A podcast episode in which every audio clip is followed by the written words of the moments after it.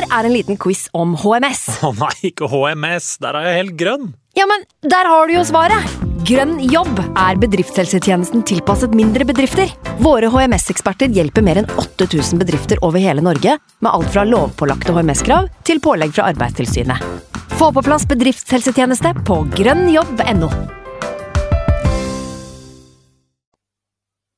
Signe Husfreden og hjertelig velkommen til en eh, duggfrisk og utappa og kanskje til og med etterlengta episode av eh, Arsenal eh, Station. Vi prøver jo å være relativt pålitelige i den podkasten her, og har vært det gjennom sesongen. Men de siste 14 dagene så har det vært stille fra oss, og vi må ta sjølkritikk på det at vi faktisk lova en episode etter Wolverhampton. Sånn ble det ikke.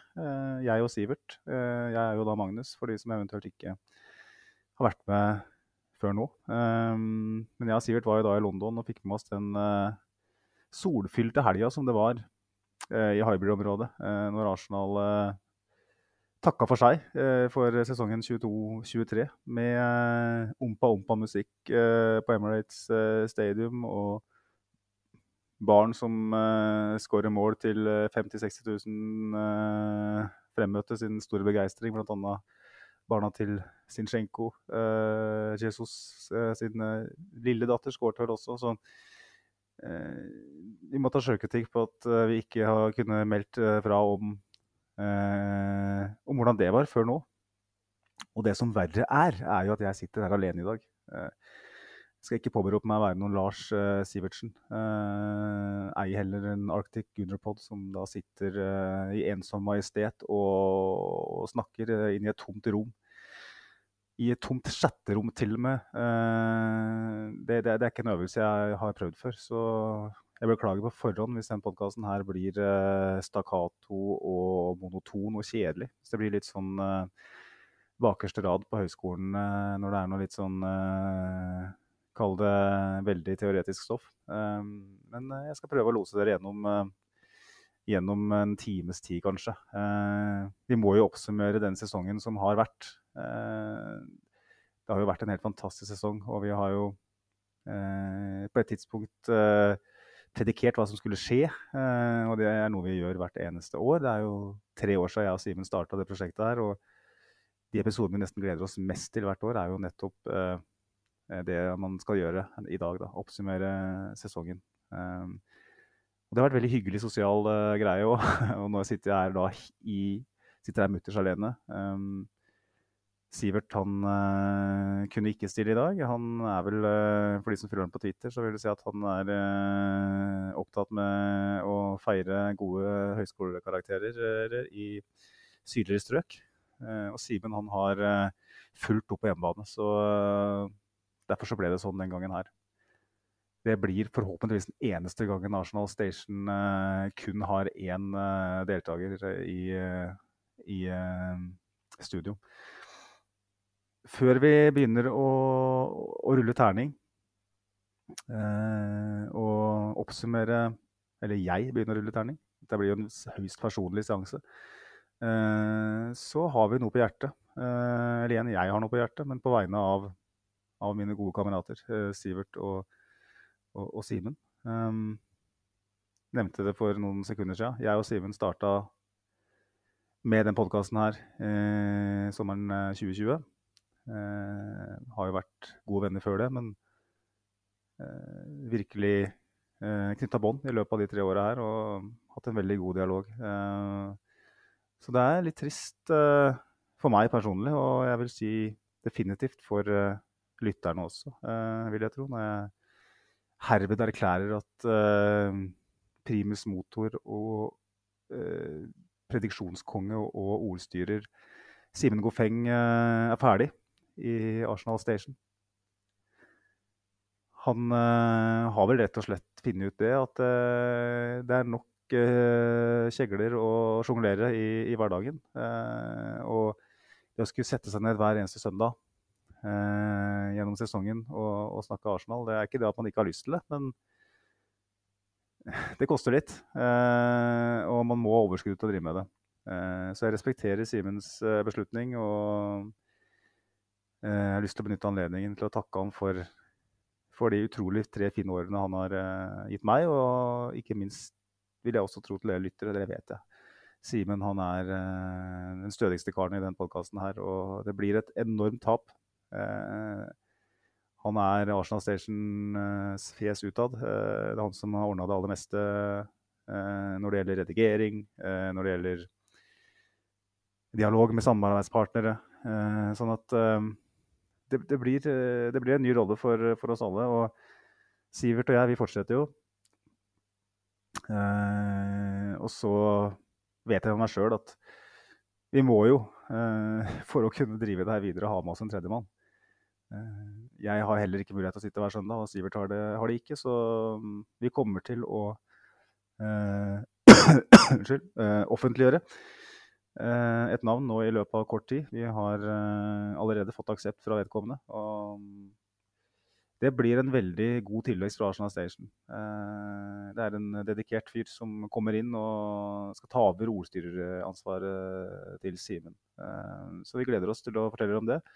Men i dag så, så handler det mest for min del om å, å takke bautaen Simen Goffeng for uh, uovertreffent arbeid i tre år. Uh, og samtidig så vet jeg at vi skal holde kontakten, og at han kommer til å stille som gjest i alle fall en eller to ganger i framtida. Så jeg er ikke helt kvitt den.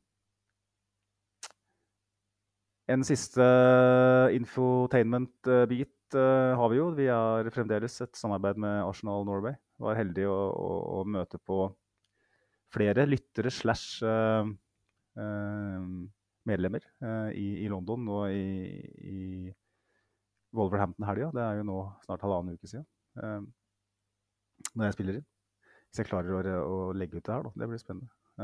Og um, 250 kroner, uh, så får du lov til å være en del av den gjengen. Det er jævla billig, det har vi snakka mange ganger om. jeg tenker at jeg, jeg, avslutter egentlig den biten her og nå, fordi når vi starter igjen om noen uker, så skal vi igjen promotere supporterklubben, som vi alltid har gjort. Og øh, det er en, det samarbeidet jeg er veldig stolt av og håper fortsetter inn i framtida. Og så har det seg slik da at uh, en, en uh, Når en bauta som Simen trer ut av rekkene, så, så, trenger vi kanskje to, kanskje tre, og i verste fall fire uker på å, å legge kloppene eh, i, i, myra for å kunne komme oss helberga inn mot neste sesong. Eh, vi er nok ikke tilbake, og det kan jeg for så vidt nevne avslutningsvis også, men vi er nok ikke tilbake med, med en gang. Vi, vi tar litt av pause nå. Eh, enda en pause, får jeg si. Nå har jeg vært borte i 14 dager, men eh, det, er, det, er, vanskelig å, å, å, komme i gang igjen sånn umiddelbart. Eh, og så har det, som, som nevnt, da, eh, det, det, har vært en helt enorm kjede av omstendigheter på hjemmebane for alle tre som har gjort at vi ikke har klart å spille inn, rett og slett. Eh, og vi er tilbake, vi, fra forhåpentligvis juli i hvert fall, uh, ukentlig. Med overgangsrykter og alt som er før den nye sesongen. Da har jeg brukt over åtte minutter allerede uh, på å snakke til meg sjøl her om, uh, om, ting og tang som vi ikke har med sesongen 22-23 å gjøre. Så da er det på høy tid at vi begynner å gå gjennom det som har skjedd. I det som vel må kunne beskrives som den beste sesongen vi har opplevd som supportere på Det er vanskelig å, å måle, men for min del iallfall, uh, ut ifra forventninger før sesongen og sånn, så må jeg nok tilbake til Invincible-sesongen for å finne en sesong som har gitt meg så mye glede. Uh, vi hadde en veldig god sesong i 07-08. Og vi hadde et par veldig ålreite sesonger eh, på midten av 2010-tallet. Eh, Vet ikke om det er det man kaller det. Eh, men den sesongen her eh, gikk vi inn med et, et, et håp om Champions League-fotball, og vi endte opp med å kjempe om, om ligagull. Vi gikk inn med et håp om at de unge spillerne våre skulle ta et steg, men i stedet så tok de to og tre og fire steg. Um, vi gikk inn med en forventning om at det skulle være veldig god stemning på Emily Stadium. Og vi opplevde at uh, stemningen var fullstendig om taket. Det var jo en, for så vidt en fortsettelse på sesongen før, men det var vel ingen av oss som turte å drømme om at det skulle bli 5000-6000 kroner for en hjemmebillett mot Leeds og Brighton osv. Uh, det er fullstendig, fullstendig meningsløst, uh, men samtidig en fin måte å oppsummere på uh, hvor, vi er som, som, klubb. Og denne sesongen her har bare vært helt eventyrlig. I podkasten her så har vi jo snakka mye om det. Selv om dramaturgien ble som den ble, og fikk en litt sånn uh, lite ålreit svanesang på det hele, så, så, er det jo utvilsomt en sesong som sånn overall kommer til å, å, å stå som en bauta i, i moderne Arsenal-historie. Nesten uavhengig av hva som skjer uh, fremover. hvis vi bikker litt feil vei igjen, så vil det her være et, et høydepunkt.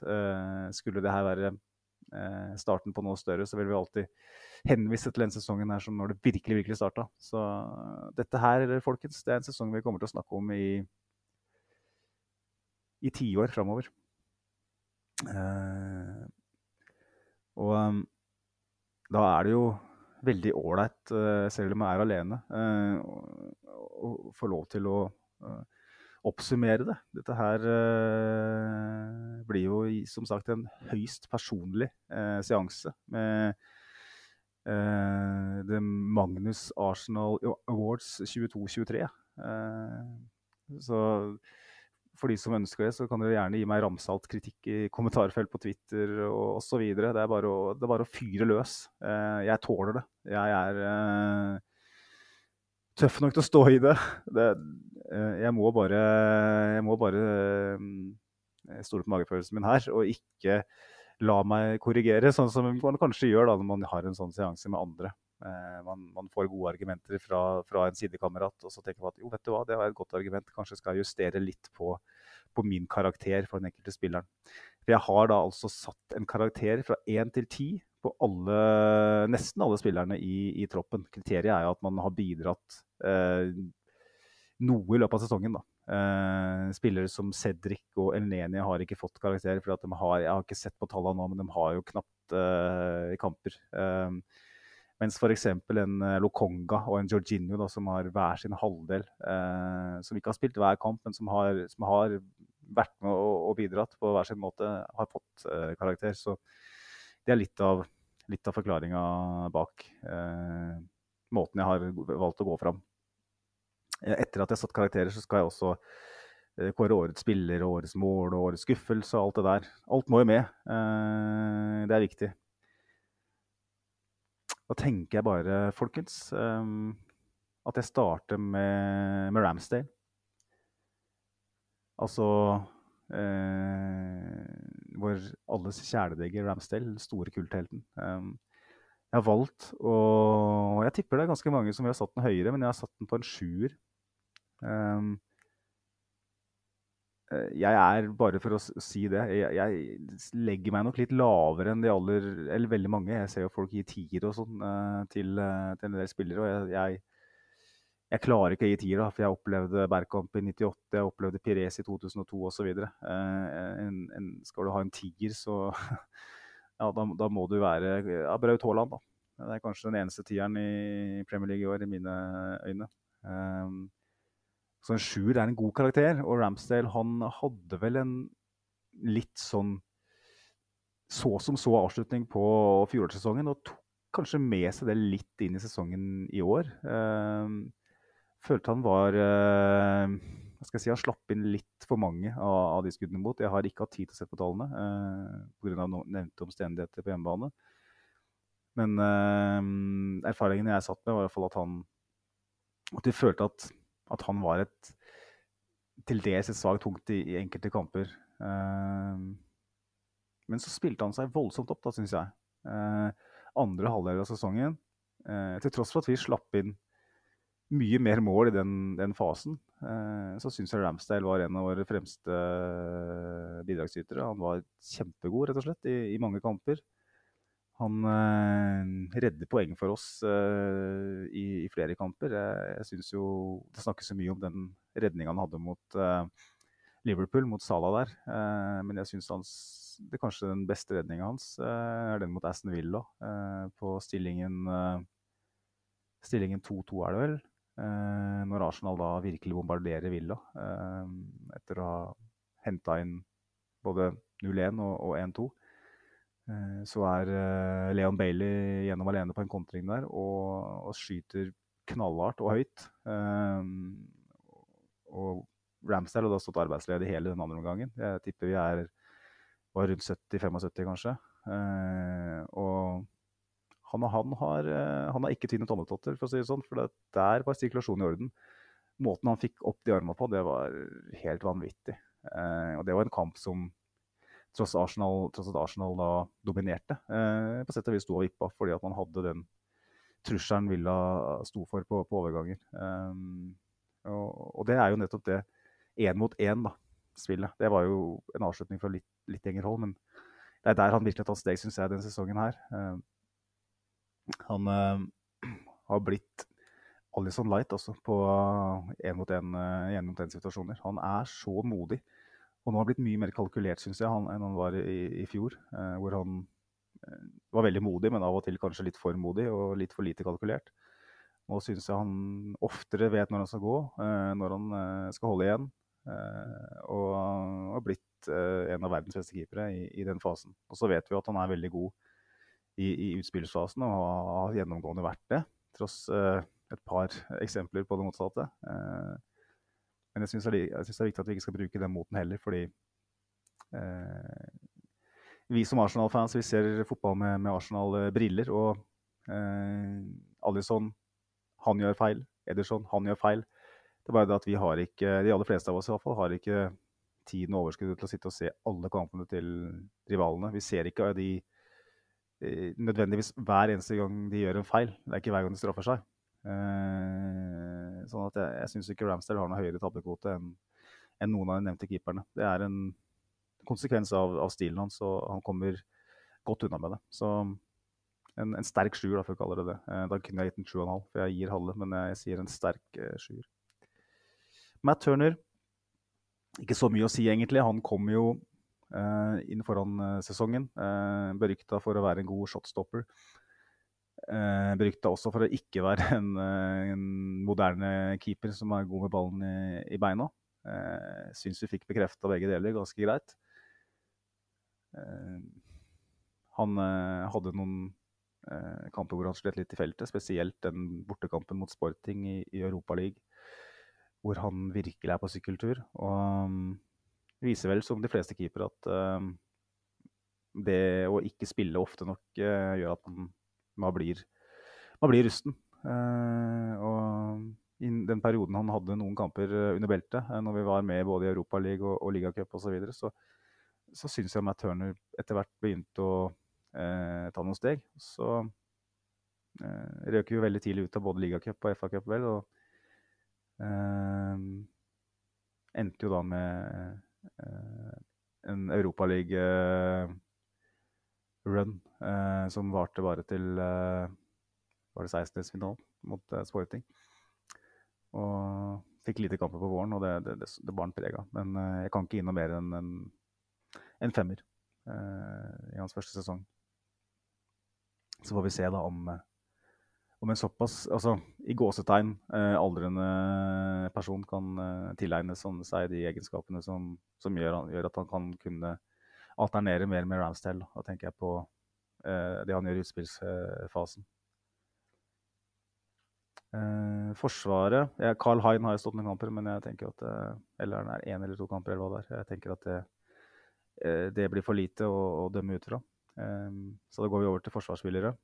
Tilfeldig rekkefølge her, bare så det er sagt. Eh, Tomiyasu. Han får en femmer. Det er, det er, ikke en god karakter eh, når det heter Takehiro Tomiyasu, som vi anså som den nye Bakari Sagna for bare noen måneder siden. Litt utenfor hans kontroll, selvfølgelig, fordi skadeproblemene hans har jo vært et problem gjennom hele Arsenal-karrieren etter hvert. Og den sesongen her så så det jo kanskje ut som han skulle riste, riste litt av seg. og så pådrar seg en veldig lei skade da, mot, uh, mot Sporting i hjemmekampen da, i, i Europaligaen. Uh, vanskelig å si om det, han kunne gjort noe annerledes der, da. Men uh, faktum er at han er ute nå til Ja, det snakkes jo både om september og oktober i verste fall, så um, da har man mista mye fotball. Eh, og var vel ikke den stødige, trygge typen heller den sesongen her. Bortsett fra den perioden han kom inn på venstreback for en skade av Zinchenko. Spilte jo da mot Liverpool hjemme, blant annet. Og en av de taktiske grepene Arteta får for lite kreditt for. Eh, vi har jo brukt de siste ukene på å snakke om at han eh, ikke evner å omstille raskt. Eh, på det tidspunktet så gjorde han iallfall det. Og Tomiyasu gjorde en sjefsjobb mot uh, Salah der og beholdt jo plassen da et par kamper. Og kanskje en eller to kamper for mye òg. Um, for det ble etter hvert pinlig åpenbart at, uh, at han ja, defensivt så én mot én er han jo en av de beste i, i ligaen, men uh, han, han, har jo ikke all verden å bidra med fremover i banen. Så um, det stoppa seg litt selv, det her greiene der. og Da ble han etter hvert litt inn og ut av laget igjen. og Gjorde en del feil, til og med. Altså, vi husker den mot uh, City på hjemme, når han uh, uh, roter det til. Og Kevin De Bruyne kan kvittere på Kevin De Bruyne-vis. og han satt ikke med den samme følelsen som tidligere med at vi hadde den stødige Tomiyasu. Når han i tillegg da mister business-enden av sesongen, så, så, klarer jeg ikke annet enn å sette ned til en uh, Unnskyld. Til en femmer. Ben White. Tomiyasus kanskje største konkurrent i laget på flere vis. Um, vi ble jo overraska alle mann når han uh, plutselig skulle være høyrebekk. Men eh, det viste seg å være et sjakktrekk, det, fra, fra Mikkel. Og eh, innledningsvis så kunne du kanskje se noe tegn på at, eh, at han var rusten, men eh, som Carlos eh, Cuesta vel sa i den Amazon-dokumentarserien All or Nothing Altså, Ben Whites aller fremste egenskap er jo eh, evnen til å lære nye roller og lære generelt. Da.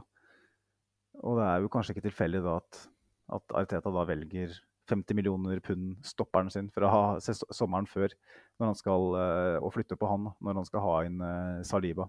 Um, jeg tror ikke det var noen plan at Ben White skulle spille høyreback når Arteta henta han. Men systemet Arteta spiller med, med en ultraoffensiv, inverterende venstreback i Zinchenko, gjør jo at Ben White på sett og vis uten ball i enkelte kampdistanser spiller som en tredje stopper. Så det blir jo en slags hybridrolle, det òg. Og um, det passer jo jævlig godt til. Du har jo sett hva Guardiola holder på med i, i City nå. med stoppertyper på, på bekken. Så um, det er jo åpenbart noe, noe som er litt på gang, kanskje, taktisk, i fotball-Europa. Og Ben White har, har klart seg helt strålende. Altså. Jeg synes han har blitt bare bedre og bedre. Og en av de spillerne som jeg syns ikke har eh, hatt en veldig dalende kurve mot slutten av sesongen.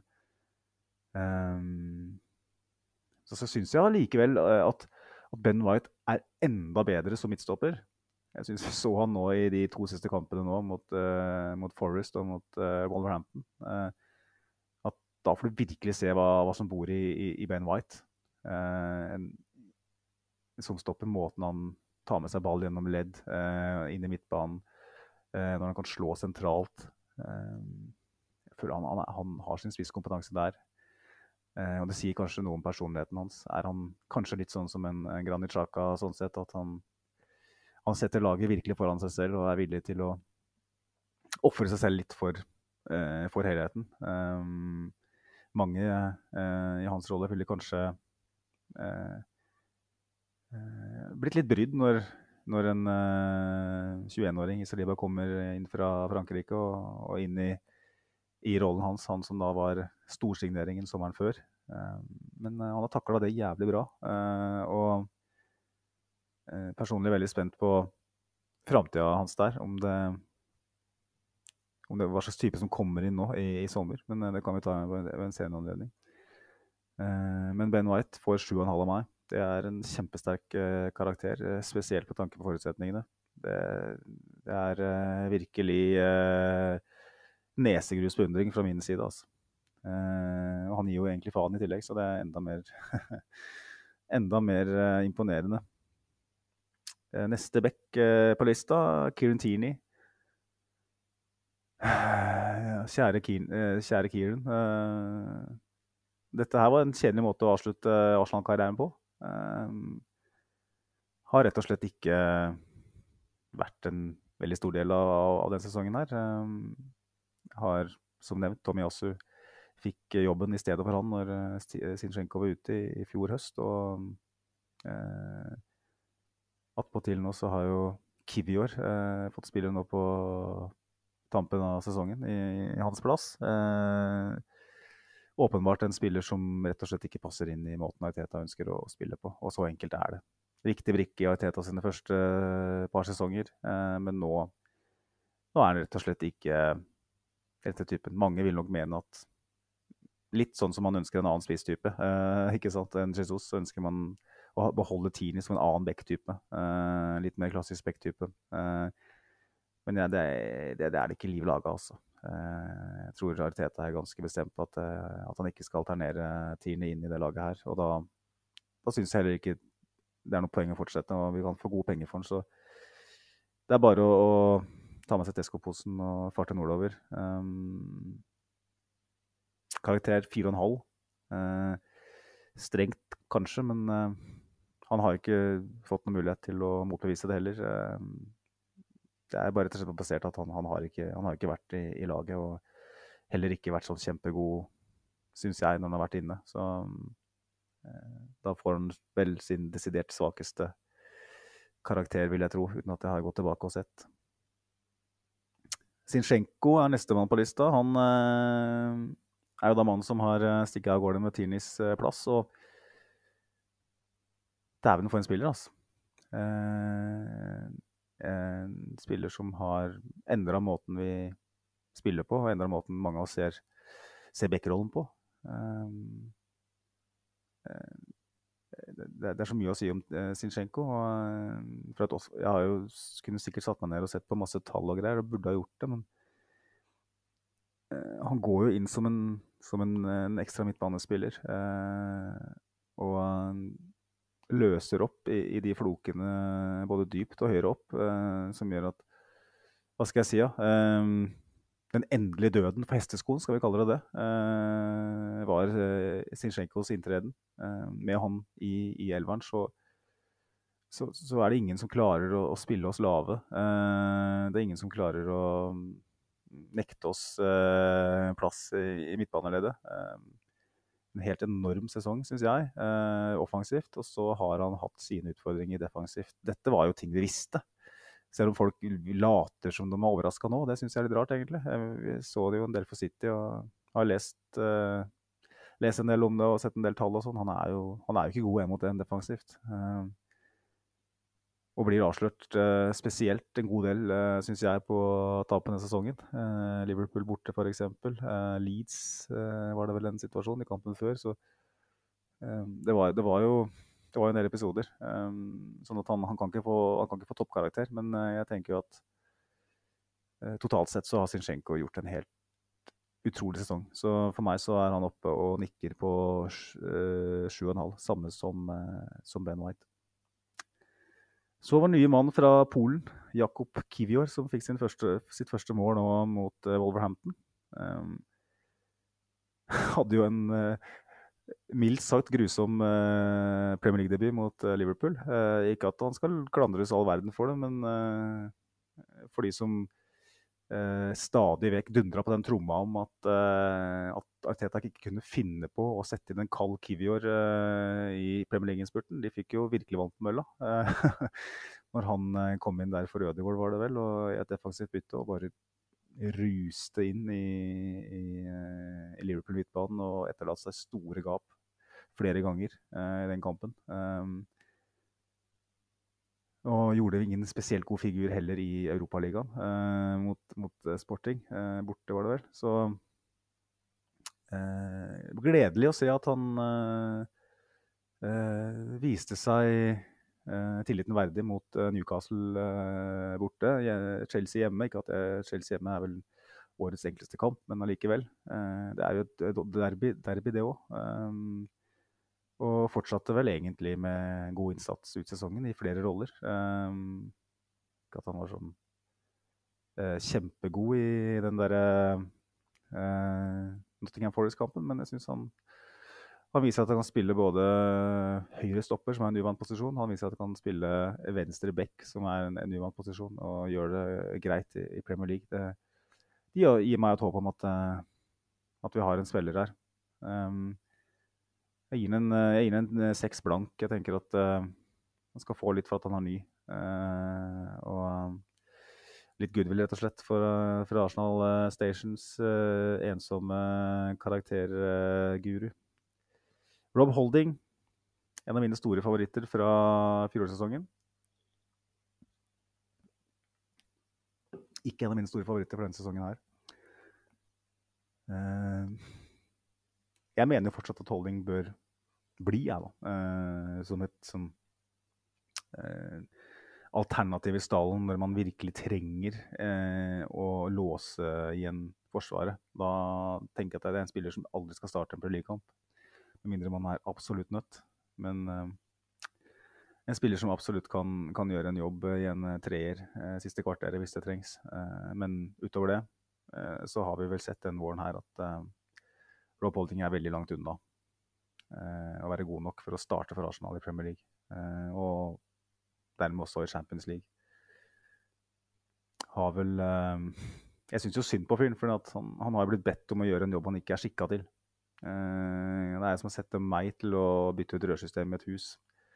Da, da, lekker det greit, for å si det sånn. Eh, og det var nettopp det de gjorde i, i vårt forsvar da, uten at nødvendigvis de defensive tallene ble merkbart verken bedre eller dårlig når den gikk inn og ut av laget. Men det var så åpenbart at balansen i laget ble så skada av Salibas eh, skadeavbrekk, eh, kombinert med at vi fikk inn en som ikke var god nok rett og slett til å, å spille den rollen. Eh, veldig avslørt, syns jeg, spesielt i frispillingsfasen, hvor han eh, Når han blir litt stressa, så, så, var det stort sett bare å klarere på tribuna eller heade unna eller slå på tvers og, og invitere press, da, hvor, den, hvor, du har en Saliba som har, har roen og kjøligheten og åpenbart ferdigheten og fysikken til å bare vente inn Uh, vente inn uh, spissen, gi den en liten skulder, slå gjennom ledd. Um, så tenker jeg at vi skulle ikke forvente at alt, alt alternativet skulle være på Saliva-nivå, men uh, det, det, holder rett og slett ikke med, med Rob Holding. Og, um, han får en fire og en halv fra meg. Det fører meg fint videre til mannen han erstatta i laget. Eh, vi skal til Saliba. Og Det er eh, dagens første dobbel, eller dobling. Fra 4,5 halv til 9. Eh, det er jo ganske voldsomt. Men eh, Saliba Altså, det kan ikke være mange stopper i verden som er bedre akkurat nå. Og under 23, så hvem i alle dager er bedre? Eh, for en spiller. Eh, god allerede i første kamp mot uh, Crystal Palace. Uh, og fortsatte bare å bygge og bygge på det. Uh, blir bare bedre og bedre. Og før jul så var han Premier Leagues beste forsvarsspiller, uten tvil. Uh, han var Arsenals beste spiller, uten tvil, i mine øyne. Selv om det var mange gang, veldig mange andre gode kandidater, så var Saliba bare på et helt annet nivå, altså. altså, den roen med ball, den de ballferdighetene, den fysikken, den evnen til å lese spillet eh, han, Den auraen han har i en alder av 22-23 eh, eh, Nesten ikke sett før i en midtstopper. Og altså Hadde han fortsatt sånn ut sesongen, så hadde han jo kanskje snust på en tier. Men han hadde jo en drop-off etter VM hvor han rett og slett uh, bar litt preg av at han ikke hadde kanskje spilt så mye for, for Frankrike. Kanskje gikk det utover både rytme og sjøltillit og alt det som var. Uh, han hadde jo noe, gjorde en del feil i, i starten etter det. Uh, men spilte seg etter hvert ganske bra opp igjen, syns jeg. Uh, uten at det nødvendigvis gjorde at vi var veldig solide defensivt, så syns jeg balansen i laget med Saliba når vi kom litt ut på vårparten, var kjempegodt. Uh, vi hadde vel en rekke der med en del seire på rad, og han var, han var ja, han var nær, nærma seg høstnivået igjen. og um, Grunnen til at han får en nier, og jeg kan avsløre at det er kun én annen spiller som får ni, det er rett og slett fordi at den nevnte årsaken. Altså det at vi, hvor, hvor, mye vi savner når, når han blir borte. Eh, jeg vet det er mange som er litt uenig i det her og har lyst til å fronte sin Gabriel-fanesak eh, vel så mye som Saliba. Eh, men altså Det er ikke defensivt vi savner Saliba mest. Det er jo balansen i, i, i, laget og utspillsfasen, evnen til å styre fotballkamper, den forsvinner jo til dels eh, når han uh, går ut. Eh, og så takler vi det ganske greit mot Åk. sånn, hva skal jeg si, ja, moderat motstand. Uh, men når vi da møter god motstand, og i tillegg da får skader på en eller to til, så da, da ser du det så godt. Saliba er helt enormt viktig for det laget her allerede. og den pennen den må, den må, snart gripes fatt i. Hvis ikke så blir det å sitte i skyggen i sommer for min del. Um,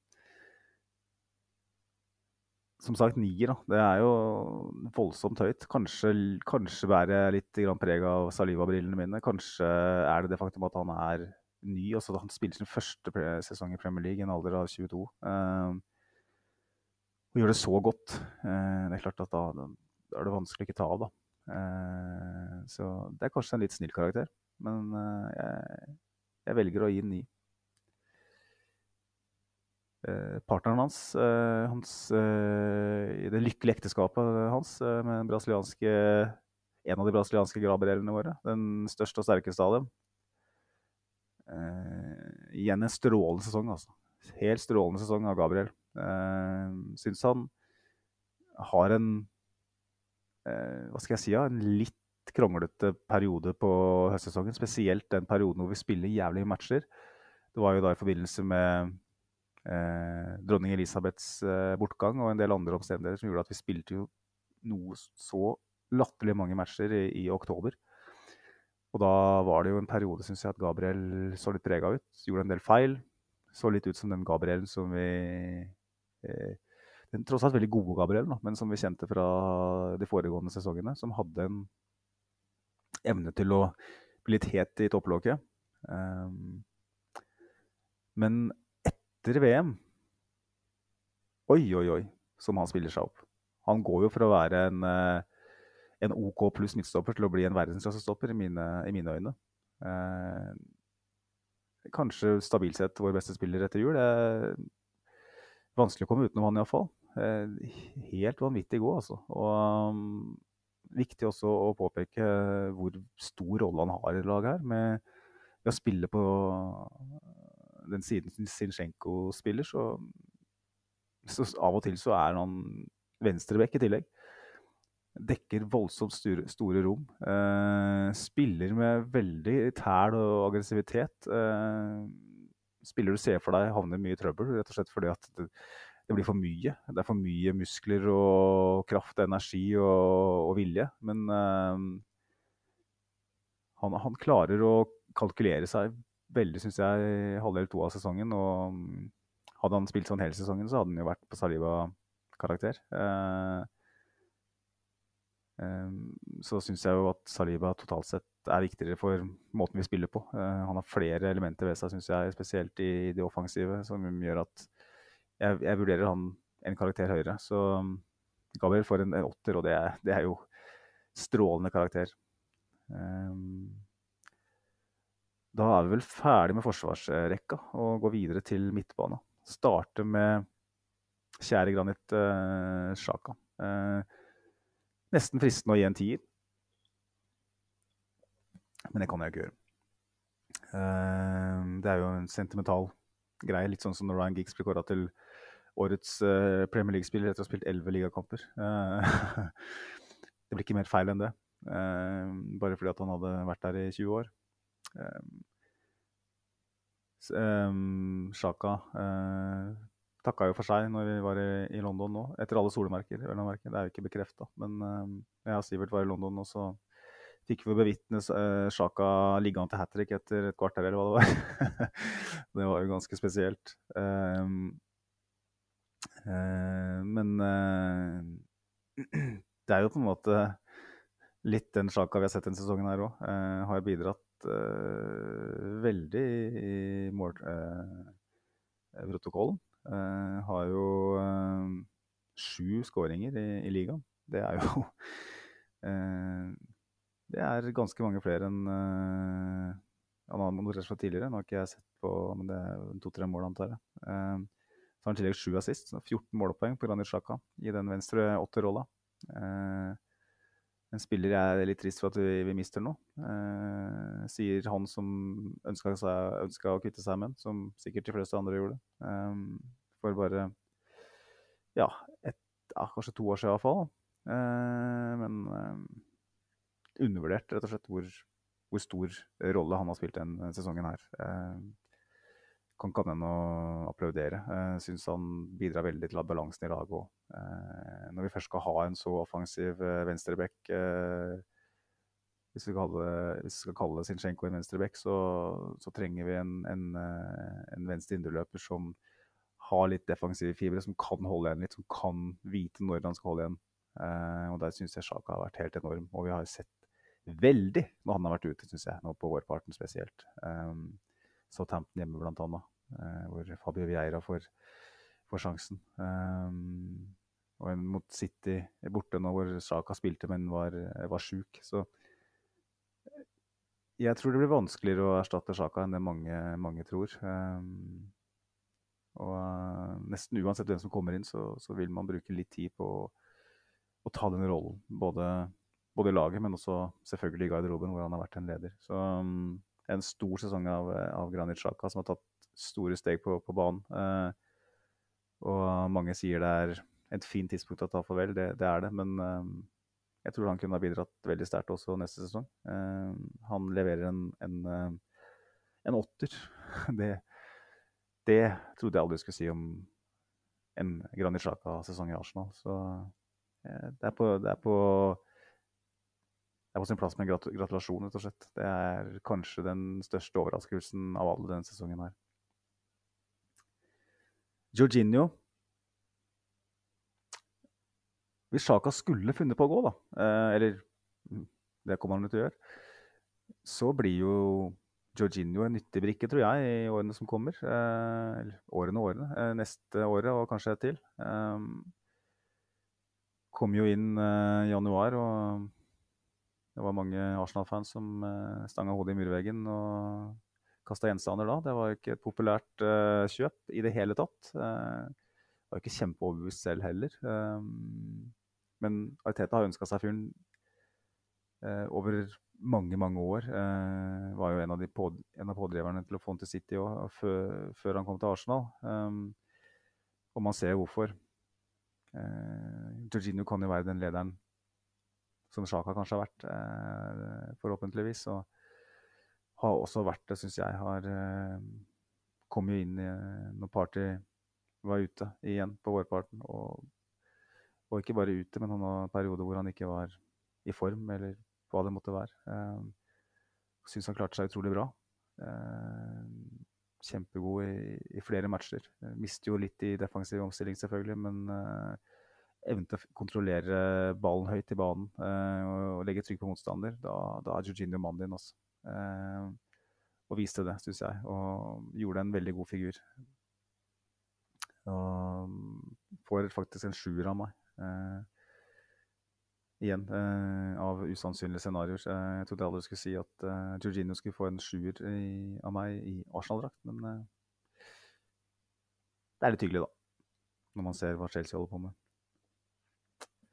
Sambi Lokonga Jeg tenker det er dårlig gjort å bruke mer enn noen få sekunder. Eh, det er etter hvert eh, vann under brua, på en måte. Eh, det er flere måneder siden han spilte for Arsenal nå, men skuffa veldig stort på, på høsten i, i, fjor. Var rett og slett enda svakere enn han var i forkant. Og langt, langt unna å være god nok for Arsenal. Så en firer fra meg. Nestemann som får firer, det er eh, et litt større navn. Det er Emil Smith Roe. Det er jo trist. Dette er en fyr som er kapabel til å snuse på toppkarakter eh, i en god sesong. Eh, jeg husker ikke hva, jeg, hva, vi ga han i, i, fjor, men jeg tipper han var sikkert oppe på en åtter, han. Eh, men den sesongen her så har vi rett og slett fått noen, noen svar som vi ikke ønsker å få. Um, skal sies at David Ornstein vel meldte nå uh, veldig nylig at uh, Arsenal ikke ønsker å selge den, eller har bestemt seg for å definitivt ikke selge den. Uh, det er jo spennende og hyggelige nyheter, det, da. Men basert på den sesongen her, så er det ikke noe annet enn å si at det har vært jævla skuffende. det er jo ikke lett å si hva som egentlig foregår. Vi kan ikke, jeg setter ikke en firer basert på at Smith Rowe har vært eh, råtten dårlig på banen. Jeg setter en firer basert på at han har ikke klart å kjempe seg inn i elveren. Eh, han har mista minutter til uh, en Reece Nelson. Han opplevde en, en, en Eddie Nketia kommer, kommer inn en kantrolle i stedet for han. Da tenker jeg Det sier, det sier noe da, om um, hvor han er. Uh, Leandro Trostar ble henta i januar. Uh, og får de minuttene i den rollen eh, som vi kanskje så for oss at uh, Smith-Joe skulle få.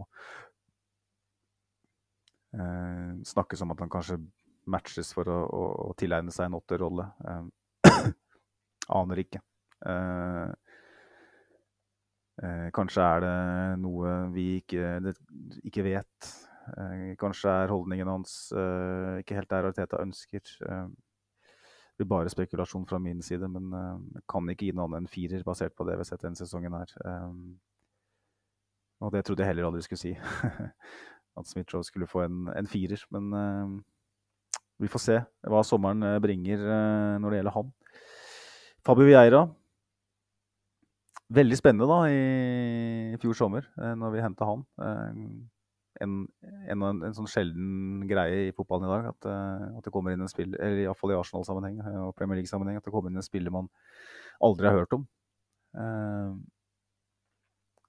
og det for såpass store penger òg, da. Det er vel det som er greia. Uh, veldig spennende. ikke sant? Du får se noen YouTube-klipp og du får høre litt at her har du en sånn derre late bloomer som har masse endeprodukt, og som bare blir, hvis han blir dyrka i rett rolle, så kommer han til å, å bøtte inn mål og, og sti, kjøre stikkere og, og, leke seg på, på, det høyeste nivået. Men eh, syns jo han har en dalende kurve rett og slett gjennom sesongen. Litt sånn som vi så med Lokonga i, i fjor. Eh, starter ganske OK. Eh, husker jo den kampen hans mot Brentford når han kommer inn for en skada eller sjuk eh, Ødegaard der i den høyre indreløperrollen og er kjempegod, syns jeg. Kommer inn da i et lag som fungerer jævlig godt. Eh, kanskje er det da litt enklere enn, det, de, enn de innhoppene han har fått nå på vårparten, hvor ting har kladda litt. Men um, han har vært en han, han, han, var jo en skygge av seg selv på mange måter, syns jeg, på, på vårparten. Ikke i stand til å sette preg på kampen i det hele tatt. Eh, akkurat så sped og, og, og, liten som fysikken eh, fortalte oss at han var. Eh, så ikke ut som en Premier League-spiller. Eh, så har han enkelte øyeblikk sant, hvor du ser at han har, han har en X-faktor og alt det der. Han har blendende teknikk, men eh, hvis man ikke klarer å, å, ta plass på banen, eh, ikke klarer å ha noe presens i det hele tatt, så, så hjelper det ikke. så skal vi huske på selvfølgelig da, at det er første sesongen hans. Han hadde jo knapt nok spilt førstelagsfotball i, i Portugal før, uh, før han passerte 20. Um, sånn at um, vi må gi en tid. Jeg er uenig i de som sier at vi skal selge den allerede nå, uh, etter én sesong. Uh, Teta har sett noe der, og han vi har åpenbart troa på han, så vi må gi den sjansen. Men um, om det er et lån som skal til, eller om han får muligheten til å, å, å spille seg inn i elveren neste sesong, det vet, vet ikke jeg. men basert på det vi har sett denne sesongen her, så, så er han et stykke unna. Eh, fordi han var da såpass god i, i perioder på høsten, syns jeg, da, så får han en femmer. Nei, en liten slurk med noe leskende det skal til. Jeg har ingen til å, til å Jeg får ingen drikkepause, merker jeg. Jeg er ikke vant til det her. Thomas Party, nestemann på lista, lå jo an til en klink nier, han, når vi kom i februar. Eh, litt sånn som Jeg skal, jeg skal ikke si at det er sånn hver sesong, for det var vel eh, I fjor på den tida så satt han selv og, og sa at eh, han hadde spilt en firer på børsen i første halvdel av sesongen. Eh, men eh, at Thomas Party er god sånn fram eh, Iallfall en periode når man nærmer seg februar-mars, det, det har vi sett. Og atter en gang så viser det seg å være et faktum. Han eh, var Premier Leagues beste sekser i månedsvis. Helt unplayable. Eh, helt uunnværlig. Det, det var ene, det ene navnet vi var så redd for å miste eh, til skade. Handla litt grann om at vi ikke hadde et alternativ. Vi fikk jo ikke den midtbane, det midtbanealternativet i, i august i fjor. Vi prøvde oss jo veldig på, på Douglas eh, Louise. Men eh, det ordna seg ikke, og da, da ble jo Thomas Barth ekstremt viktig. Og dæven så viktig han var òg. Eh, og vi tenkte jo at en Jorginho inn det, OK, eh, bedre alternativ, men allikevel Thomas Barth er uunnværlig. Litt av et paradoks at vi nå sitter her noen uker senere og snakker om at eh, kanskje vi skulle kvitte oss med Thomas Barth. Eh, jeg syns jo det er litt vel reaksjonært, da det skal sies. Men eh, den måten han enda sesongen på igjen, eh, med å være Jeg vet ikke hva jeg skal kalle det. Halvskada eller uh, ute av form eller hva det måtte være. Eh, vi kommer nok en gang inn i innspurten. Eh, nok en gang står det mye på spill, og nok en gang så er Thomas Party enten eh, ikke til stede eller bare delvis til stede. Eh, fyren eh, har vel Om han ikke har passert 30, så nærmer han seg veldig. Det er klart at Når vi begynner å, begynner å se et tydelig, tydelig, mønster her eh, Vet jo at Ariteta kanskje ikke er så keen på Thomas Party som, som, mange liker å tro. Altså, vi husker jo at han heller ville ha nettopp Jorginho det, det sommervinduet når han henta Party. Og så har jo Party selvfølgelig spilt på seg spanjolens gunst, og vel så det, men eh, Ja. Eh, jeg klarer ikke å gi noe mer enn sjuer. Eh, rett og slett fordi at eh, hvis du ikke eh, er med og preger den viktigste delen av sesongen Det er klart, nå, nå, føler jeg at jeg møter meg sjøl til døra her, for jeg sa jo at Saliba får en nier. Men han hadde jo heller ikke muligheten til å, å bidra. Thomas Party føler jeg jo hadde det. og um, ja, da blir det en sjuer fra meg, altså. Da har vi kommet oss uh, litt lenger fram banen. Uh, Bukayo Saka er nestemann på, på lista. Han lå jo an til en klink nier uh, lenge. Vi snakka veldig mye om det her i, i den podkasten her, om at, at Saka han er den eneren.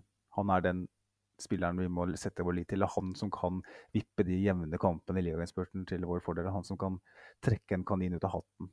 Um, det er han som gjerne skårer det første målet i en viktig kamp. Det er han som gjerne skårer det avgjørende målet. Uh, det, det, det, det, vet jo dere som lytter, at han gjør. Uh, ofte. Uh, og så syns jeg vel ja, litt etter at Saliba forsvant ut, kanskje. Eh, da kan man jo spekulere om dynamikken på høyresiden i banen da fikk seg et eh, skudd for baugen. Eh, men eh, likevel er lov å være kritisk eh, til at han forsvinner litt ut eh, av eh, rampelyset på banen. Syns ikke han har det overskuddet som han hadde tidligere i sesongen. Han han, han, trekker ikke de kaninene ut av hattene sine. Eh, og um, Derfor så får han en åtter eh, av meg. Um, som nevnt med Thomas Party-argumentasjonen min. Eh, det er jo de siste par månedene hvor ting avgjøres, at du virkelig trenger de største spillerne dine. Og um, hvis Saka er den største spilleren vår, så, så syns jeg ikke at han møtte opp tilstrekkelig i, i den perioden. Um, samtidig da, så var han så jævlig god før det at uh, han er likevel oppe på en åtter. Um, hadde du skulle jeg delt ut årets spiller i, i mars, uh, kanskje starten av april også, ville jeg ha gitt den til Saka. Men han når ikke helt opp uh, nå. Og ja, det, er, det, er, klart. Vi vi snakka jo veldig mye om det samme med Martinelli. At når Jesus forsvant ut, så slutta Martinelli å produsere. Slutta å prestere. Uh, og på magiske vis, når Trossard kom inn i, i, i, laget og gjorde litt av det samme som Jesus gjør i spissrollen, så, så, så våkna Martinelli. er Saliba så viktig i den høyrekanalen? Er holding et så stort drop-off? gjør det så mye med Ben White sin rolle at Saka ikke har spillpunktene, ikke har alternativene rundt seg. Ikke har muligheten til, ikke har det rommet til å, å være farlig. Det, jeg tror nok det er definitivt en del av forklaringa, men allikevel så syns jeg at det, det er lov å være litt kritisk. og så vet vi jo da den evig lange debatten om at kanskje Arteta skulle gitt en eh, brødskive og et glass melk og satt den litt på sidelinja en, gang iblant. Det, det, kunne kanskje ha betalt seg, men jeg kan bare eh, bedømme ut fra det jeg har sett, og da, da blir det en åtter. En liten eh, ølsluk til, folkens, skal til. Ai, ai. Martin Ødegaard er nestemann, skjønner du. Og da, da, da, burde man feire med noe bobler eller noe leskende. Han er jo da i likhet med Saliba oppe på nieren. Det er eh, en helt fantastisk karakter. 15 ligaskåringer. Flest av noen midtbanespillere vel gjennom tidene, eh, hvis man tar bort straffespark eh, i Premier League. Det er, det er rått, altså. Det, det, det, forstår vi kanskje ikke helt når vi liksom snakker om eh, Lampard og Yaya Toré og alle de der sentrale midtbanespillerne. Aaron Ramsey, som har, som har vært uh, veldig renommert for å skåre mål, så har vi aldri snakka om Martin Ødegaard i de ordelag. Så at vi sitter her nå i, i, i juni eh, 2023 og, og, ser på han som den farligste målskåreren fra sentral midtbane i Premier League, eh, det, er, det, er, helt rått. Eh, nok en, en, god sesong fra Martin. Nok en strålende sesong fra Martin. Uh, han, det er ikke bare fotballspilling det, som foregår. Det, det lykkes for Martin i, i, alle livets faser akkurat nå. Og um, har uh, stått fram som lederen og kapteinen i det laget her. om så ikke i, i, det vokale slaget på banen som en slakk er, så er Martin Ødegaard Du ser at han er lederen her. Måten Ateta snakker om han som den perfekte rollemodellen. måten alle andre snakker om han rett og slett. Han, du ser det. Uh, han begynner etter hvert å få en slags aura rundt seg, Martin. og uh, Denne sesongen her så har han bidratt eh, sterkt uh, til å, å skyte Arsenal-laget her til et høyst fortjent sølv. nesten gull. og um, har blitt mer uredd. skyter mye oftere fra distanse. Eh, mer direkte i, i, stilen, tar mer ansvar sjøl. Uh, har kombinert veldig mye med Saka tidligere. Nå syns jeg han i mye større grad alterner... Uh, unnskyld. Um, bruker hele banebredden rundt seg til å, å spille med, og blitt mer uforutsigbar. Jeg syns han rett og slett har uh, vært jevnt god over hele sesongen. Uh, som alltid med Martin så har han litt trøbbel når, uh, når, det kommer en landslagspause eller et avbrekk av noe slag, om det måtte være skade eller Ja, og jeg syns vi har sett litt av det samme. Den berømte landslagspausa hvor Erling Braut Haaland fikk litt vondt i vilja eller i akillesen, eller hva det måtte være. så spilte jo da Martin 180 minutter for Norge, mens Brauten da satt og lada til serieinnspurten. Martin kom tilbake litt under par i et par matcher. Mens Brauten da skjøt City til det som ser ut som en treble. jeg skal slutte den parallellen her nå, men det bare litt for fristende. Men jeg syns jo jeg synes Martin har, med unntak av noen små dips her og der, og kanskje Kanskje har han forsvunnet litt i, i noen av de større, større kampene, men det tror jeg er vanskelig å gå direkte på han for det. Jeg tror det rett og slett er systematisk når man At det er en spiller det er fristende å ta ut. Eh, en spiller du må ta ut. Det, og det er veldig få lag som evner det. Eh, og da, da, blir det, da blir det en uh, nier. Uh, og det er ja, det er ikke sterkt. Jeg, jeg, som sagt, jeg gir ikke tier, egentlig. Så da, da vet du hvor jeg reiter den. Martinelli, nestemann uh, på lista, han er en av de andre som virkelig har tatt steg denne sesongen her. Hadde en veldig tøff periode Jesus, etter at Jesus ble skada, hvor han ikke fikk til noe som helst.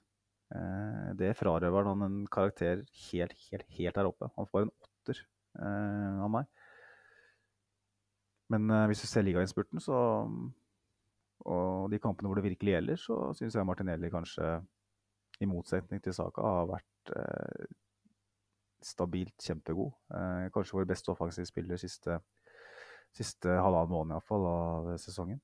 Skårer vel også 15 mål i, i ligaen. Kjempegodt uh, tall. Uh, spesielt når du tenker på at han hadde en veldig tøff periode. Uh, ser mer og mer hva Arteta ønsker seg i, i, den, i de kantrollene. Altså spillere som er gode én mot én, ekstreme én mot én. Både Saka og, og, Martinelli har jo vært helt, helt i toppsjiktet i Europa på antall forseringer per 90. Um, og man forstår kanskje også hvorfor en uh, Emil Smith-Roe ikke er helt managerens kopp te i, en sånn rolle.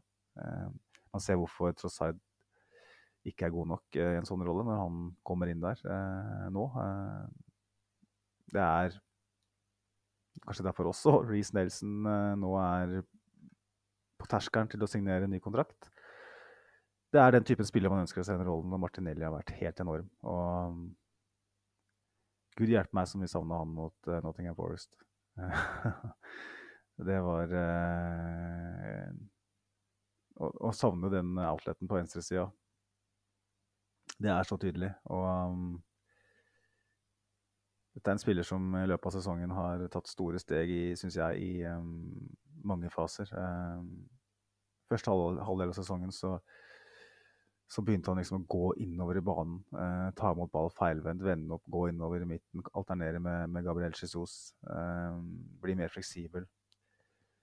Så så vi litt av det samme da Trossard kom inn i laget. At, eh, at, at, Martinelli, han, så lenge han slipper å, stå og slike, slike kritt ut på venstresida, at han kan få lov til å vandre litt, være litt uforutsigbar, da er han en av Premier Leagues beste offensive spillere. Og um, når han får lov til å komme inn i høyrekanalen, komme inn sentralt, dukke opp litt her og der, øh, vandre litt på tvers øh, kom, øh, Ja, veksle litt med, med, Jesus spesielt, da. Så da har vi en spiller som snuser på et milliardbeløp hvis man skal kvitte seg med den. så en, en, en, åtter også for han. Trossard. For en signering først og fremst. Snakka jo hans sak eh, lenge og vel. Um, og um, glad for å se at, at også jeg, ikke bare Simen, kan treffe av og til. Kom inn og på mange måter redda, redda oss litt når Eden Ketias form og kanskje rolle i laget ble litt utspilt i fraværet av Jesus var så god for en periode at man begynte å lure på om, om Jesus skulle få tilbake plassen sin. Uh, det var jo et legitimt uh, det var en legitim greie, det. altså. Han, han, var så god. Og mange mener jo at, at Arsenal tapte seg Tapte seg når, når, han gikk ut av laget. resultatmessig så er det ingen tvil om det.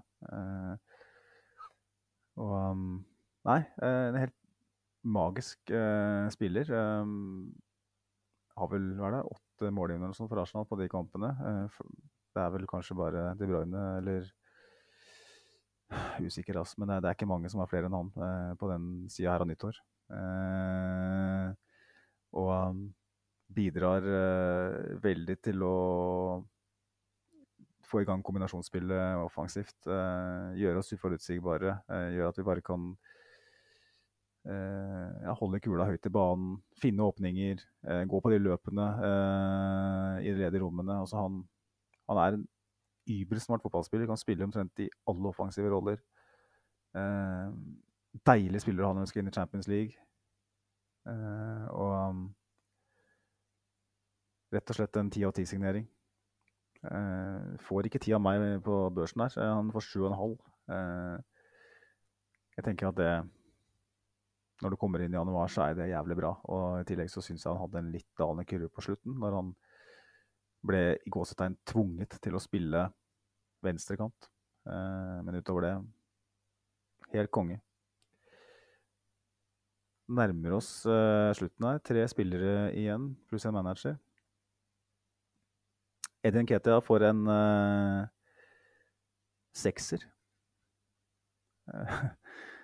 Litt, skuffen, litt skuffa over Eddie, faktisk, uh, må jeg si. Um, fikk jo litt for, forhåpninger på slutten av fjorårssesongen, jeg òg, når, når, han kom inn der og uh, ordna seg ny kontrakt etter veldig god prestasjon. Uh, og så får han nok en gang en litt lignende sjanse da, når Gabriel Jesus blir, blir ute. Og um, griper den sjansen med begge hender. Og skårer jo allerede i den første kampen mot Westham etter VM-pausa. Skårer eh, to mot Manchester United, bl.a.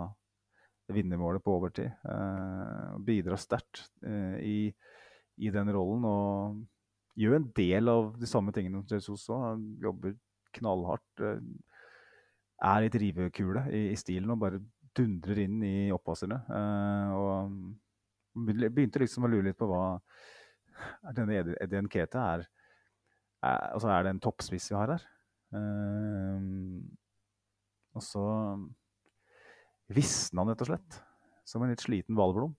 Uh, hele den offensive lagdelen så ut til å visne hen. Uh, ikke fordi at Eddie Nketia uh, nødvendigvis uh, var den eneste som ikke presterte, men uh, savnet av en litt annen type på topp gjorde at, at, at, laget rett og slett mista det litt offensivt i en periode. ikke veldig lang periode, skal sies, men helt, helt til man satte inn Trossard. Og syns ikke Jesus, Nei, unnskyld, jeg syns ikke Eddie klarte å um,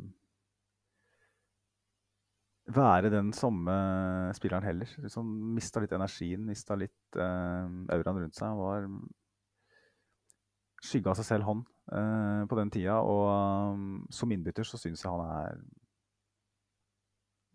bortimot ubrukelig. Uh, litt stygt å si, men han har vel nå er det nå, bortimot 30 innhopp for Arsenal, null skåringer. Han, ikke, altså han er det motsatte av Olivier Giroud, da, som skåret omtrent i hvert innhopp for oss. Åpenbart veldig forskjellige typer òg, men eh, hvis han skal være en del av den troppen her som en sånn backup-spiss som skal komme inn i, i matchbilder, uh, så må han klare å endre de matchbildene. Han må klare å skåre mål, som er jobben hans. Eh, det klarer han ikke som innbytter. Er, jeg syns han aldri har vært god omtrent som innbytter. enkeltkamper, ja, selvfølgelig har det vært her og der og det skal også være en formildende omstendighet at han av og til kommer inn når det er fem minutter igjen. Hva faen skal fyren gjøre? Men jeg ser ikke nok, eh, nok der. Eh, og jeg sa vel det allerede i fjor høst, at eh, jeg tror at Eddie spiller for en kontrakt et annet sted. Det Arsenal gjorde i fjor sommer, var å, å sikre seg at man ikke mista han gratis. Så at man verner om verdien på spilleren som man tross alt har utvikla. Og så er det selvfølgelig er et sjansespill, fordi at man vet jo aldri uh, om en så godt lønnet spiller er lett å, å flytte på. Men uh, jeg tror Eddie Nketa går i sommer, og jeg tror det er riktig valg for alle. Så en, en sekser, uh, som er en helt OK karakter. Gabriel Jesus. Det er mye å si om han for så vidt òg. Nå går jo klokka som faen, selv om jeg sitter der alene. Uh, Syns han gjør uh, veldig mye bra uh, på høsten. Endrer forutsetning totalt hvordan vi spiller offensivt. Uh, begrepet rivekule liker jeg å bruke. Han river og sliter og dundrer og ordner. sånn at spillere som Saka og, og Martinelli og, og, til dels Ødegaard får lov til å, å være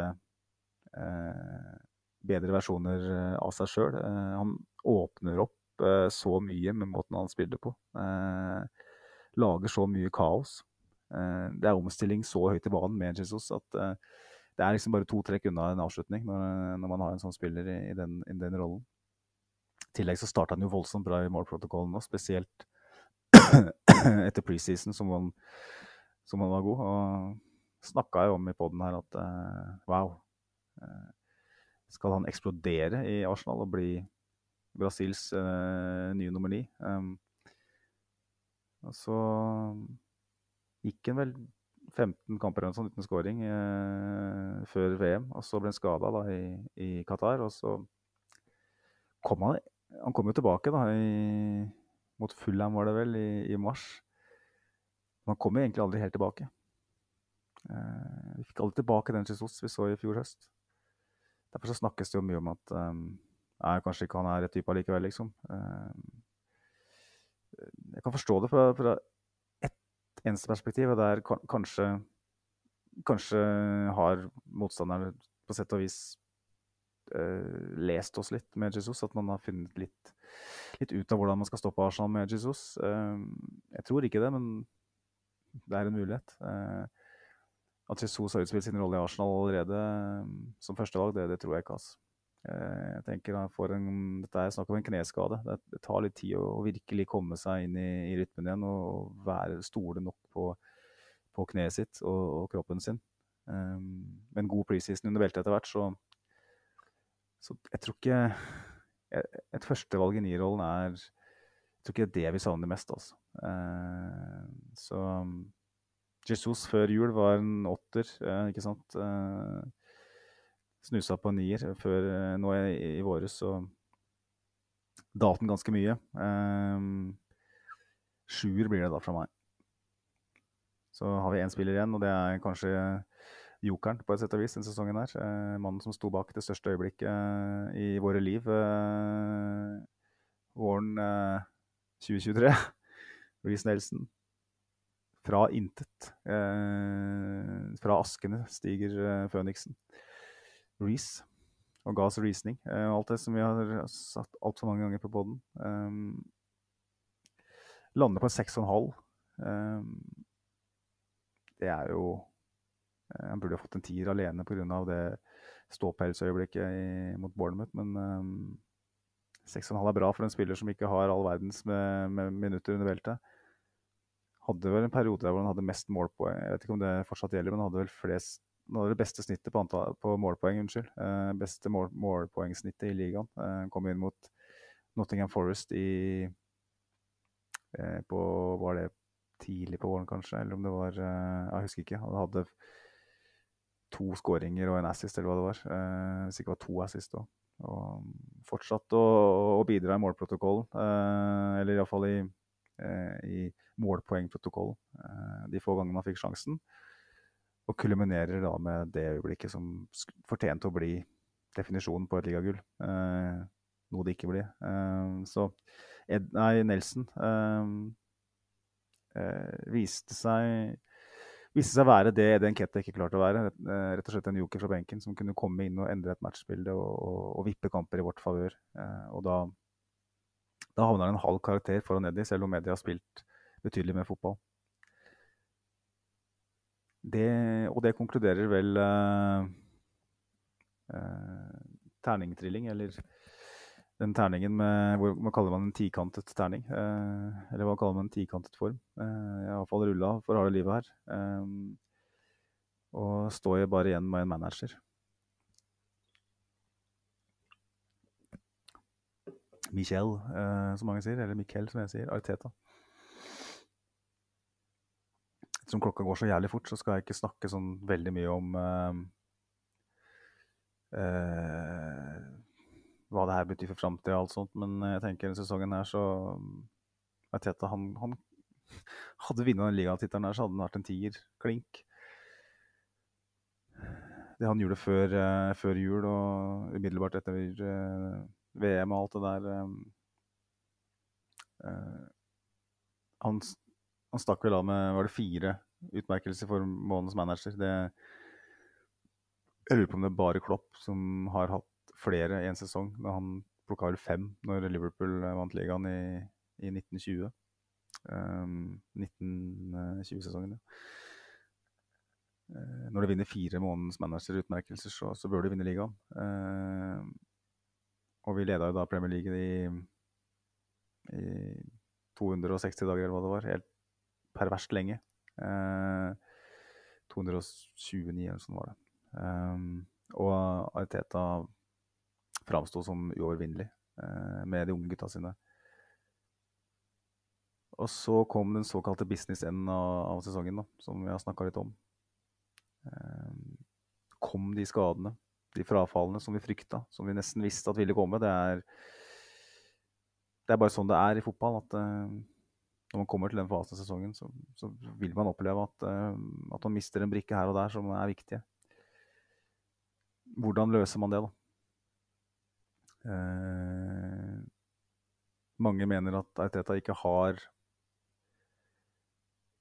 de eh, alternativene i stallen som gjør at han kan eh, komme helskinna ut av en sånn prosess. Så til dels åpenbart riktig, det. Eh, men jeg tror Arteta definitivt må lære seg å stole mer på spillerne sine. Eh, han må omstille raskere taktisk enn det han har gjort. Og det, dette er et mønster vi har sett etter hvert. Vi, vi så det også i fjor, eh, hvor Eddie Nketa kom inn f.eks. Eh, litt for sent. Hvor han reiste til eh, Tottenham sin eh, doskål og spilte litt på Tottenhams premisser eh, når de var i dytten, og ble slakta. Jeg føler jo at man reiser til Etia denne sesongen her eh, uten å gjøre et reelt forsøk på å omstille eh, på et tidspunkt hvor man nesten visste at det her det kom ikke til å gå. Eh, kanskje hadde det gått mye mer til helvete enn det det faktisk gjorde. Det kunne ha blitt enda verre. Men eh, man savner jo at man, at man, prøver. og ble jo delvis halshugd hvis, på det tidspunktet hvis man skulle finne på å si at uh, ja, men hva med party på høyrebekk? Uh, hva med å prøve Kiwi i år?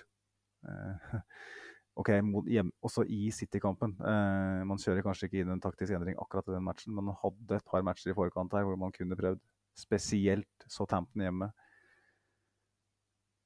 Så um, Og så føler jeg på sett og vis at han viser nettopp det da, eh, i, uh, i de siste ukene av sesongen. At uh, han hadde løsninger som han ikke turte eller ikke valgte å bruke. Thomas Party så ganske OK ut på høyrebekk, syns jeg, mot Nottingham Forest, selv om han ble kritisert. Eh, så dritgod ut mot Wolverhampton. Dead rubber, fair enough, men Thomas Party på høyre bekk eh, og Ben White inn eh, i en rolle hvor han er enda bedre enn høyrebekken, eh, sammen med Gabriel. Da, og få, da har man da har man iallfall prøvd noe annet. Eh, man får Georgino inn som er en erfaren traver med vinnermentalitet som har vist at han kan spille de største kampene. Jeg sier ikke at den, den, den åpenbare løsningen lå ikke der for Ariteta. Eh, men at det fantes andre løsninger enn å bare kjøre på med, med holding, stående høyt. Det fantes andre løsninger. og der hvor Pep Guardiola, eh, som åpenbart har langt bedre eh, ressurser i stallen, eh, evner å omstille veldig kjapt, så viser Arteta at han er en ung manager eh, som leder et ungt lag som er litt for sen eh, til å finne opp kruttet på nytt når det kruttet han har bearbeida og funnet opp eh, i forkant, ikke lenger funker. Han kjører litt for lenge på den plan A som han klekker ut, som alltid er god. Eh, og så når man kommer til det punktet at han må endre, så, så bruker han litt for lang tid. Eh, jeg stoler rett og slett ikke nok på, på spillerne sine. Så da, da, blir jo jobben til klubben i sommer enten eh, å jobbe med det eh, internt, eh, eller ikke bare enten eller. Det, og så i tillegg rekruttere spillere som er enda bedre, som kan gjøre at vi har 16-17 18 spillere eh, som kan, som, kan, gå rett inn i elveren. Eh, så da blir det spennende å se eh, hvilke retninger det tar. Men for all del. Miquel Arteta absolutt en kandidat til årets manager i Premier League. Eh, jeg syns han har hatt en helt enorm sesong. Eh, og jeg elsker fyren enda mer enn jeg noen gang har gjort. Eh, en av de største managertalentene verden har. Og um, 8,5 det er en stor, stor karakter. Og droppet ned fra 9, en sikker nier, er en refleksjon av, av bitte små marginer som, som, det er mulig å gjøre noe med. Da jeg snakka 1 time og 20, så da tenkte jeg skulle ta bare en rask gjennomgang av noen uh, utmerkelser. Det skal deles ut noen trofeer, uh, noen blomsterkvaster og kanskje noen kaktuser. Det går jeg veldig kjapt gjennom uten å um, komme noe særlig med vurderinger. Uh, årets spiller knepent Saliba, av årsaker jeg nevnte. Årets gjennombrudd en, etter hvert en veldig gammel traver i Arsenal, Arsenal-systemet, men Reece Nelson som gikk fra å være en, en, spiller som var nesten helt sikker fremtid utenfor Arsenal, men nå til å ha en klubb som ligger langflat etter den. Eh, årets mål Reece Nelson igjen. Også det, her, det blir mange blomsterkvaster på, på Reason. Um, trenger vi å snakke om det vårt mål da. Vi skal helt sikkert snakke om det i løpet av sommeren òg. Uh, det var flere andre gode kandidater, men uh, det er klart det er, det er, et fantastisk mål i utgangspunktet. Uh, og når man da i tillegg er på et sånt tidspunkt, og det blir et sånt øyeblikk, så, så, så blir det veldig enkelt. Årets, eller, årets unsung hero, da har jeg satt opp Georginio. Jeg tror mange bør eh, kanskje svelge både én og to kameler til og akseptere eh, at Georgina faktisk har vært en god signering. Selv om han var veldig imot det på, på, det tidspunktet. Så han eh, har vært en viktig bidragsyter i, i, i, vår, i vårsesongen. Årets signering den går jeg til Trossard. Litt med hvor lite han kosta og hva han kan bidra med i så mange roller kunne vel så enkelt ha valgt Zinchenko eller Jesus, men jeg velger å gå for Trossard. Årets kamp Brentford borte. Eh, alle narrativenes mor når vi skulle reise tilbake dit eh, etter å ha blitt fillerista der i sesongåpningen med dansende Carragher og Neville i eh, fjorårssesongen. Første kampen etter dronningens død og alt det der, og lørdagskamp, selvfølgelig. Um, det nå var det heldigvis en tidlig kamp, så ble det ikke noe flomlys og, og sånt. Men måten vi rett og slett eh, demonterte Brentford på, som, på en bane som er så utrolig vanskelig Jeg tror de tapte kun én match til der den, sesongen, den av sesongen her. De slo City da i siste serierunde, selvfølgelig. Um, den prestasjonen var så voldsom at jeg setter den, jeg setter den aller, aller øverst. Selv om borte mot Tottenham og så hjemme mot Liverpool og alt sånt bør nevnes. så den, den Brentford-kampen var den som imponerte meg mest. For det var liksom en sånn eh, Man vaska gulvet med et så sterkt hjemmelag. Det, det, er sjelden man ser. Eh, årets eh, øyeblikk igjen eh, blir kjedelig her. Eh, Reece Nelson. Så burde egentlig ha fjerna den fra lista mi, for det blir veldig gjentagende. Um, så har jeg satt opp årets verste øyeblikk. Når Aston Villa satte inn 2-1 mot oss på, på Villa Park da hadde vi akkurat eh, tapt mot eh, Everton, spilte uavgjort mot eh, Brentford. Hjertelig takk, Lee Mason. Uh, og tapte hjemme mot City. Så vi var inne i den verste rekka på det tidspunktet i sesongen. og så skårer Villa 1-0 tidlig der, og man tenker faen. Nå, nå, nå, nå, knekker vi helt her. Og så klarer vi å få en tilbake, og da tenker jeg OK. OK, det, vi, vi, er med her. Vi, vi, vi, skal ikke bare legge oss ned og dø. Og den skåringen vi da slipper inn rett etterpå, den 1-2-skåringa eh, Det dårligste jeg har sett Arsenal i defensiv omstilling siden Mitchu skåret mot, mot, oss for Swansea på Emirates for eh, ti år siden. Eh, det var altså så grusomt, og det var så bekymringsverdig, for det var Det var så um, Hva skal jeg si? Det, uh, det var så motsatt av det vi er vant til å se fra det Arsenal-laget her. Da. Så da, da da tenkte jeg at nå, nå ryker alt. Og det er sånn øyeblikksfanatisme. Eh, jeg tenkte bare nei. Eh, da skrudde jeg av TV-en. Eh, Kasta brusflaska i veggen, og så gikk jeg bare la meg i, i tre minutter. Skammer meg litt for det, faktisk, men eh, jeg måtte bare ligge der i tre minutter. For det, det var sånn, det var sånn øyeblikk så jeg tenkte at vet du hva, nå, nå tror jeg faktisk at gutta har, uh, har møtt veggen her. Og så vinner vi den kampen 4-2, eh, godt assistert av Emi Martinez. Og så, så, viser det seg at, eh, at, det bor mer i den gjengen her. Eh, så det er en kamp som Kanskje den kampen med den laveste Eller største spennet i følelsesregisteret. Fra, fra den 2-1-skåringen til Villa til, til vinnermålet til Jorginho eh, slash eh, Martinez. Eh, litt dårlig gjort å avslutte med årets skuffelse, men jeg gir den til Lokonga.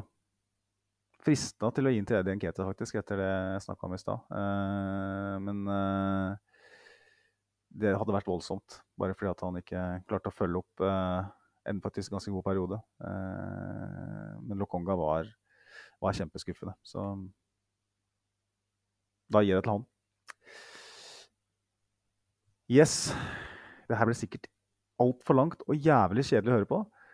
Hvis du har hengt med hele veien, tusen hjertelig takk. Ehm, jeg lover deg, kjære lytter, at du skal aldri få bare høre på meg igjen. Ehm, det tror jeg du er veldig glad for å høre. Ehm, og som nevnt innledningsvis, jeg vet ikke når vi er tilbake. Eh, det kan gå en del uker nå.